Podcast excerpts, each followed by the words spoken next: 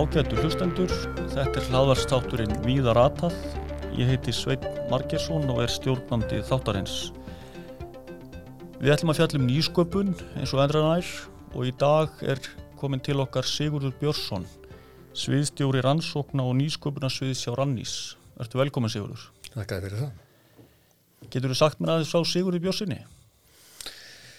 Já, eins og nefndir að þá er ég sviðstjóri Rannís og já, rannsóknar nýsköpunarsviðs hjá Rannís þar sem að eh, við rekum þessar stóru sankjöfnisjóði sem að hér stunda fólki til bóða, vísindamönnum, nýsköpunarfólki. Eh, það er rannsóknarsjóður og teknithrónarsjóður sem eru eh, stæstir um tæplega 5 miljardar í því heldina á ári. Síðan eru við með aðra sjóði eins og innviðarsjóð, við erum með nýsköpunarsjóð námsmanna, við erum með sjóð fyrir sjálfstafstafrandi fræðumenn og svo framvegis og svo framvegis. Það er einfaldast að fara bara inn á vefin og fletta þessu upp. Mart þarna undir og þá fyrir nýsköpunar aðila eins og bændur líka væntanlega? Ég er bara allir sem hafa áhuga á nýsköpun og vilja stunda nýsköpuna, þeir geta leita til okkar. Er einhver verkefni sem að hafa tengst landbúnaði hjá þessum sjóðum síðustu árin? Já, já, það er alltaf einhver verkefni sem að dúka upp og tengjast landbúnaði eða er unni græna hagkerfinu og það á bæði við um rannsóknarsjóð og um tækniðrónarsjóð. Rannsóknarsjóður er sinnir meira grunnvísindum og þá má þetta nefna það að í gær var verið að eh, tilkynna útlutun rannsóknarsjóðs og uh, það eru tvö verkefni sem er hljóta öndveistyrk og annar þeirra er vistað í Landbúnaðarháskóla Íslands tengist kannski einhverju leiti uh, fiskveðum en, en í rauninni bara vistkerfinu í heild. Og uh, þannig að það er eitt dæmi. Nú ef við lítum til tæknithrónarsjóð sem að er svona eins og nafnið gefur til kynna uh, nær því að vera sko tæknithróun uh, þetta eru þetta haganýta rannsóknir og, uh, og þar eru þar er græna hagkerfið auðvitað ekkit mjög hátt eða, eða stendur ekkit mjög vel í sjálfu sér uh, til dæmis með að við bláa hækjörfið en uh, samt sem áður ef við lítum til uh, tæknarháðsjós allt frá 2004 þegar hann er stofnaður í því, í því formir sem hann er í dag þá hafa rífilega 5% af styrkjum runnið inn í græna hækjörfið og það er bara þó nokkuð mikið. Af þessu fjármagnin tækni þróunarsjós en þú nefndir þetta andauðisverkefni Eh, sem var verið að útluta eh, nú nýlega bara hjá rannsóknarsjóði. Getur þú sagt okkur eitthvað aðeins meira um þetta verkefni sérstaklega? Það heitir fiskveiðar til framtíðar. Ég þarna verið að skoða vistkerfið og þau gögn sem að það ligg, liggja á bakvið. Við erum að það er verið að tengja uh, gögn sem að hafa sapnast saman í, í gegnum árin í tengslu við fiskveiðar og við veitum það að til dæmis Hafranskónastofnun hefur sapnað gögnum allt frá því fyrir miðja síðustu öld þannig að við eigum mikið af gögnum hérna og, og ég held bara almennt að, að það sé komið tími til þess að við nýtum þessi gögn til þess að reyna átt okkur á og skilja þetta visskerfi. En nú sapna bændur geysilega miklu af gögnum líka, ég lega segja séu gríðar gögn nánast uh, bara fyrir hendi og, og möguleikarnir til að sapna gögnum jafnvel enn meiri eru kannski sambarilega tækifæri tengt grænahagkerfin á Íslandi eins og, eins og þarna endur speglast í þessu bláa? Já, það held ég hljóta að vera, samt sem áður verður þetta líta til þess að, að sko bláa hagkerfið, fiskveðar, fiskeiðnaður og allt sem að tengi, allir svo innar sem að tengist honum, að þar stöndu við mjög framalega í heiminum, við erum nánast leiðandi. Ég myndi ekki segja að við varum leiðandi í landbúnaði en það hljóta að vera tækifæri í íslensku landbúnaði eh, bara mennirinn þurfa bara sko að reyna að velta upp öllum steinum og ef þú segir að það sé til gögn í landbúnaðinum þá það bara nýta þau En þessi, mu, en þessi munur á landbúnaði og sjáurútvi, svona horta á þetta út frá nýsköpunar vinklinum, hvers vegna heldur þú að þessi munur sé? Þú nefnir að við séum í fóristu hlutverki hvað bláahagkerfið varðar og hefur meiri efasemtir um græna þáttinn, svona heimsvísu. Hvers vegna? Ég kannu ekki að skýra það neitt sérstaklega. Kanski eru menn uh, byggja menn of mikið á einstaklingum inn í, inn í landbúnaði. Ég meina við erum að reyka uh, bændabíli, þetta eru, þetta eru fáir einstaklingar í sjálfu sér uh, per einingu þannig að þeir hafa bara ekki tök á því að, að sinna nýsköpun að samaskapi og gert þeir í fiskveðum. Það nýsköpun hefur í rauninni verið líkil þáttur í þessari stöðu sem að íslenskur sjáurútöfur og bláa hagkerfið hefur náð. Ég held að það sé ekki spurningu um það. Það er bara líkil atriði í þessari tróun. Einhver dæmi, svona áfremali dæmi í þá veru? Já, ef við lítum á bláa hækjörfið og við horfum til fyrirtækja sem eru nú orðin bara mjög öflug á heimsvísu, ég menna Marel naut mikill að styrkja á sínum tíma úr sjóðum rannis, við erum önnu, fyrir, fyrirtæki eins og uh, Valka og, og núna síðast uh, var fyrirtæki sem fært nýsköpunarverlun uh, ásins eða, eða semst nýsköpunarverlun 2019 sem heitir Curio, tengist einnig fiskveðum eða, eða, eða framleiðslu tækja búnaðar til fiskveða. Já, þessi nýting öðlinda hafsins í rauninni svona í, í stóru samhengi að samvinna og, og nýsköpun í tengslu með þetta hefur virkilega skilað. Þetta hefur skilað mjög miklu og svo maður ekki gleyma þetta bara líftækninni almennt sem að, sem að hefur líka verið mjög öflug hér á Íslandi og, og þar hefur við til dæmis stofnunni eins og Mati sem hefur verið mjög framalega á því sviði. En er ekki mitt tækifæri í þessu að nýta þekkingu sem að tengi sjáurútvegi og, og beitingu líftækni, uppbyggingatækni og framleiðslutækni og yfirfæra jafnvel þá á græna hagkerfið? Jú, ég held að hljóta að vera tækifæri en auðvitað þurfa þeir sem er í græna hagkerfinu, þeir þurfa að, að keira það áfram sjálfur. Myrna, það er ekki okkar að, að hérna, benda á tækifærin. Þeir sem eru í hagkerfinu, það er þeir sem að þurfa að stíga upp og, og, og, og nýta sér þessi tækifæri. Sína frumkvæði og kannski horfa til þeirra möguleika sem eru bæði til að já, fá fjármagn en ekki síður að, að fá öflugt fólk að greinni, ekki satt? Já, já, ég meina sína frumkvæði og náttúrulega þeir geta bara lært af bláðakirinu. Í því samengi, við tölum um fólkið aðeins, þá er nýsköpunarsjóður námsmanna, hann er eitt þeirra sjóða sem að þið haldið um utanum hjá Rannís. Hvernig virkar hann?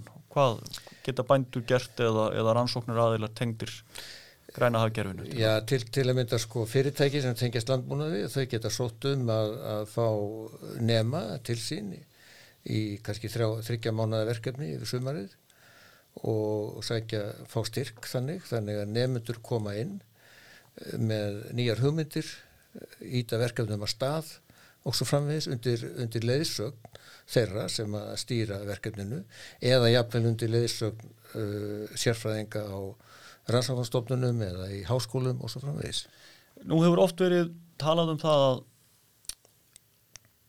já, í landbúnaði og í sjálfu sér sjáurtvegi líka á Íslandi við séum svona frumframleðslu drifin á margan hátt en ef við horfum til verðmættasköpunar í, í virðiskeðunni þá er nú alltaf jafna mest verðmætti sem skapast næst loka neytandanum.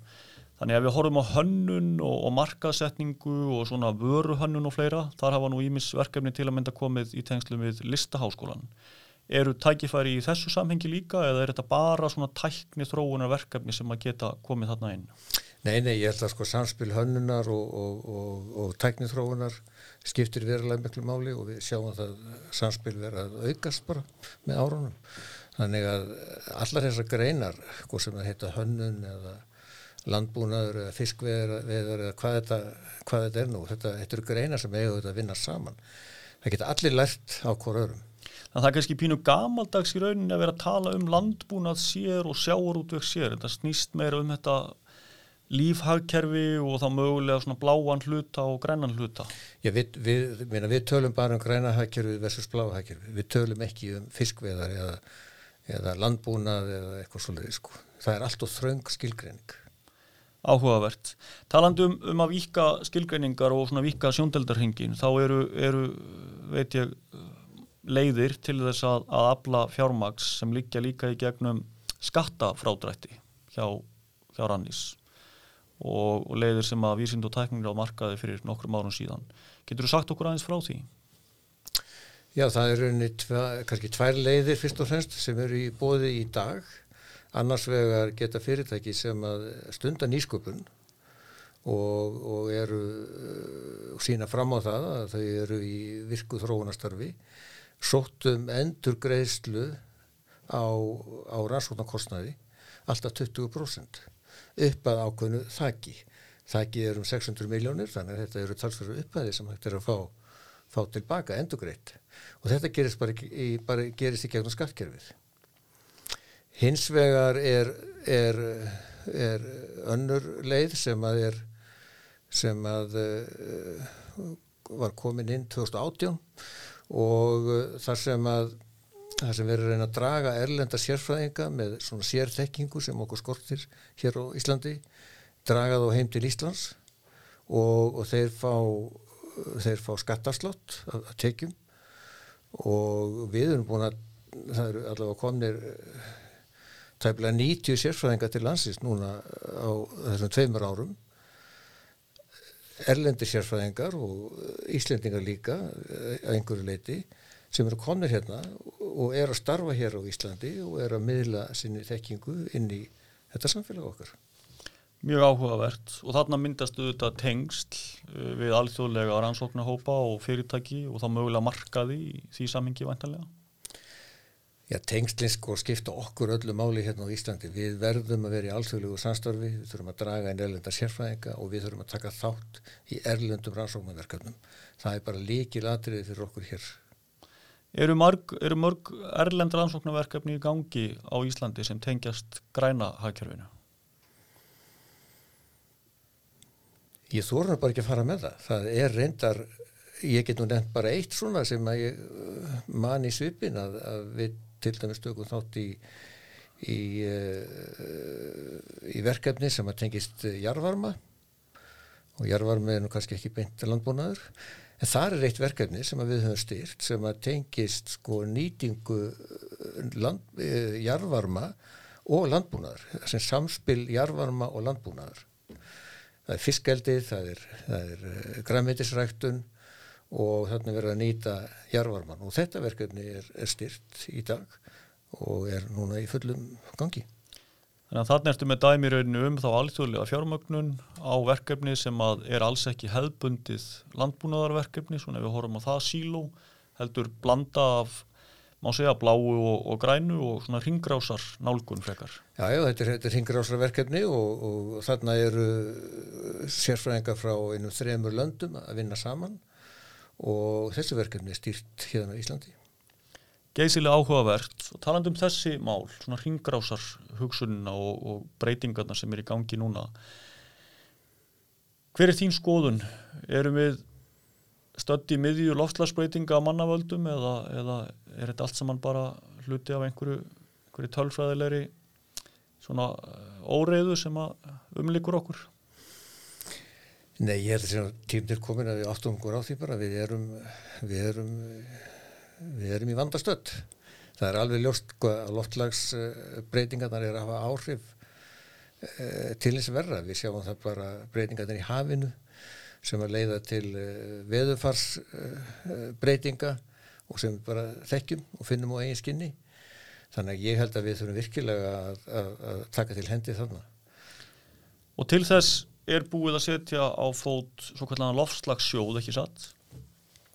Jú, það var settur, jú, jú, loftslagssjóður, hann, hann ver, hafði verið inn í, í lögum áður en ekki verið, kom ekki til frakvemta fyrir ná síðasta ári og uh, í, í dag er, er, er umsóknarfrestur opinn fram til loka þessa mánadar. Loka janúar 2020? Til loka janúar á þessu ári, já og uh, þar sem að við uh, nú bara sjáum við hvað kemur upp úr potinu við vitum það ekki ennþá. En þannig er verið að leggja áherslu á verkefni tengt loftlagsbreytingum þá má líka nefna það að í, í þessu sambandi að samarsviði er að farast að markaállun sem, sem að er þá markaállun í um samfélagslegar áskoranir. Og hluti hennar stór hluti hennar mun tengjast lofslagsbreytingum líka. Þannig að við erum að sitja talsverða áherslu á lofslagsbreytingarnar og ég held að það skiptu okkur verulega miklu máli. Og við sjáum samskonar þróun á sér stað eins og í Evrópu. Það sem að núna verða að keira á stað nýja rannsóknarállun í Evrópusambandinu sem, heit, sem heitir Horizon Europe, tekum við af Horizon 2020 eh, sem að þar sem að reynsir svo kallagi svona Green Deal verkefni munur skipta miklu máli. Og hvers konar verkefni eru það og, og hvers konar verkefni eru það sem eiga heima í loftslagsjóði? Já, það er bara all verkefni sem að stuðla að eh, minni, minni lósun. Það bæði rannsóknir og nýsköpun? Já, já, já, rannsóknir og nýsköpun og, og líka í rauninni bara kynningarverkefni. Við þurfum þetta að, að, að ég menn, fólk þarf að skilja hvað, hvað er að gerast og, og ég held að það skiptir verulega, verulega máli líka að, að bara kynna almennt fyrir fólki þessar breytingar sem við sjáum gerast núna í heiminum. Taland um kynninguinn mitt, nú erum við með nýjasta bændablaði hérna verið framann okkur, þar sem að talað um að, að það skorti áræðanleg gögn varðandi losun frá landi. Eru verkefni á þessu sviði eitthvað sem að eiga heima í loftasjóði?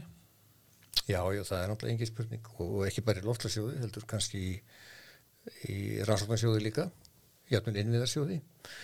Uh, við nefndum hérna áðan öndveisverkefni sem er vist á í landbúinu Hanskóla Íslands það tengist uh, gognum sem við eigum úrvinnslu gagna og tengja þau við vistgerfið uh, ég held að ef við, ef við horfum á þessa grein í bændablaðinu þar sem verður að tala um skort á áræðilegum gognum um, sem er losunarbókald við erum átt okkur á því að það er ekki svo mörg ár síðan að við fórum virkilega að hafa áhugjur á þessum málum Þannig að gögn og, og úrvinnsla gagna hún byggir á, á ákveðni tímaröð og við erum kannski ekki komin að þeim punkti ennþá. En eru þá ekki Íslandingar innmitt í stöðu til þess að ná fóristu hvað þessi mál varðar? Varðandi þekkingu, varðandi aðgerðir og í rauninni riðja þessa braud, kannski með eitthvað svipuðum hætti eins og við höfum gert í sjárutvegi. Nú til að mynda losun frá sjárutvegi er, er um það byl, já helmingur af því sem hún var fyrir 20-25 árum síðan og það byggir auðvitað bara á því að beita nýri þekkingu og, og ná fram meiri framleginni, nýta skip betur og, og, og mannskap uh, búa til meiri af matvælum úr öðlindinni eru möguleika þarna?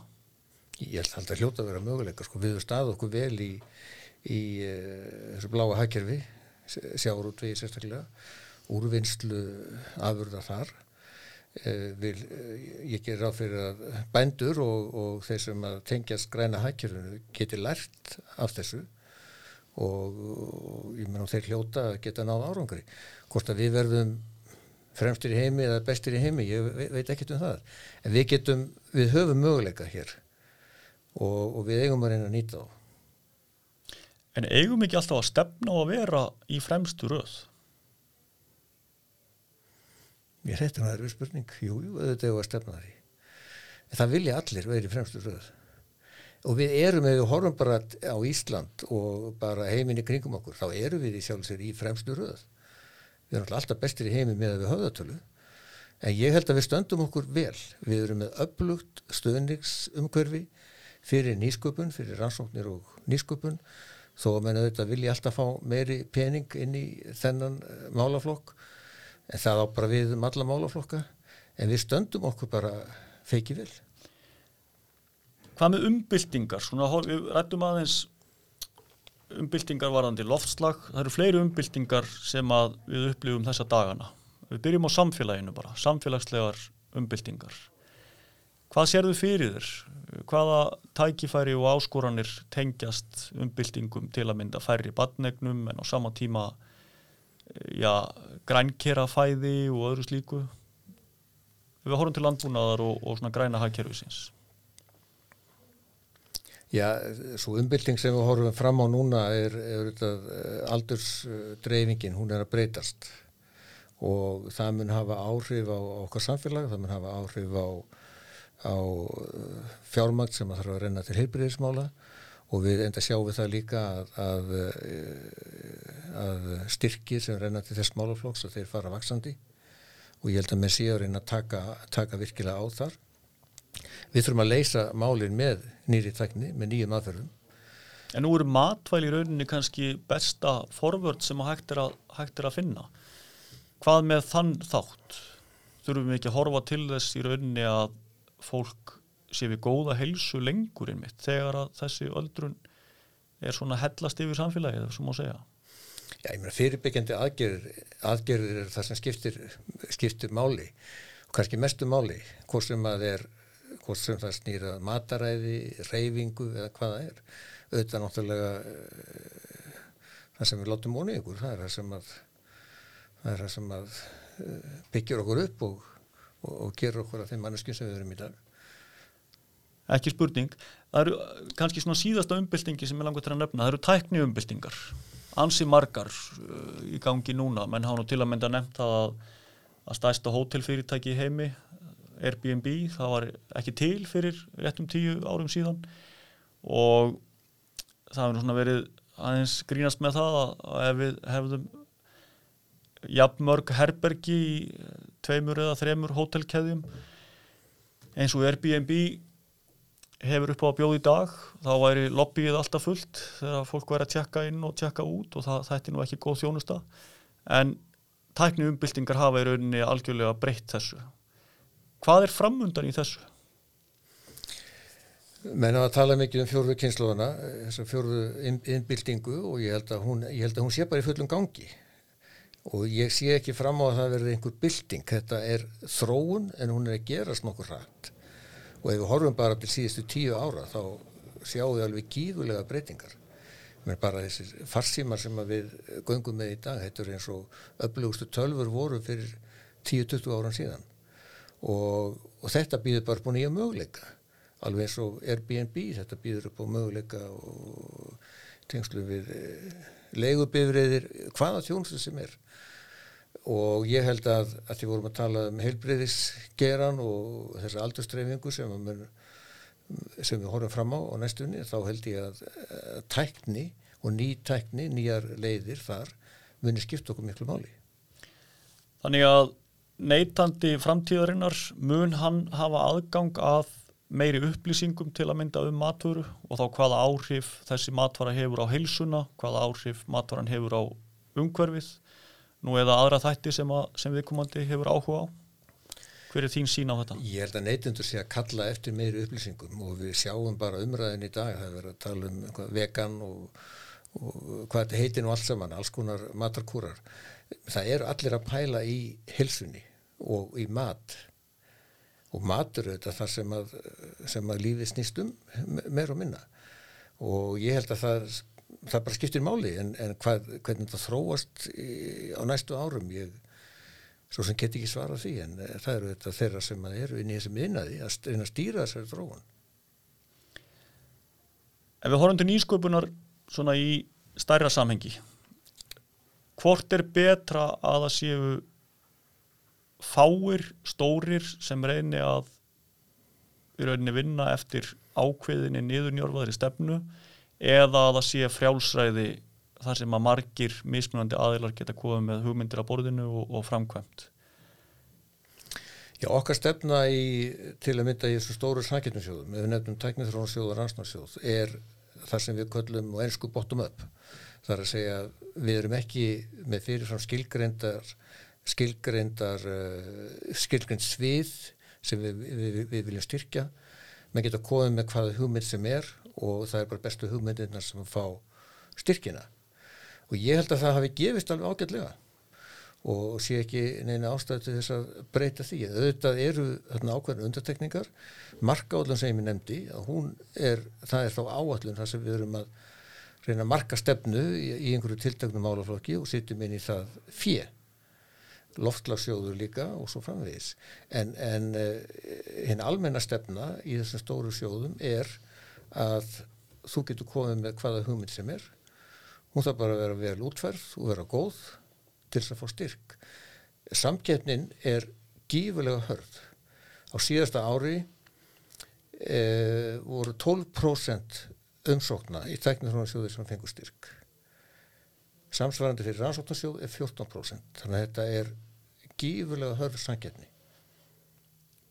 En þá samt þannig að í rauninni frumkvöðlar sem tengjast græna hagkerfinu, þeir geta fengið stórar hugmyndir, komið með þær fram, uh, fengið til liðs við sig, vísindamenn, hönnuði, innlenda sem erlenda og í rauninni þá bara lagt sínar hugmyndir á, á borðið og, og sóst eftir fjármagni og ef þær hljóta náð fyrir augum domnemda þá er það í rauninni opin leið. Já, alveg tímalust og, og ég segi þannig stundum sko að ef að þú sækir ekki um þá farið alveg örgulega ekki styrk. Þú verður að sína frumkvæði, þú verður að koma með hugmyndina, reyna að leggja hana fram, búa til uh, samstarf eða það skiptir máli og það þarf að útfæra hugmyndina þannig að við, það er að segja fagra á þessara sjóða, sé tilbúið að kaupa hugmyndina og styrkja hana. Ég held að það séu bara fín loka orði þessum þætti. Ég þakka þið fyrir Sigurus, fyrir innlitið hérna í hlaðarstáttin Víða Ratað. Ég heiti Sveit Margersson og þakka hlustun að þessu sinni.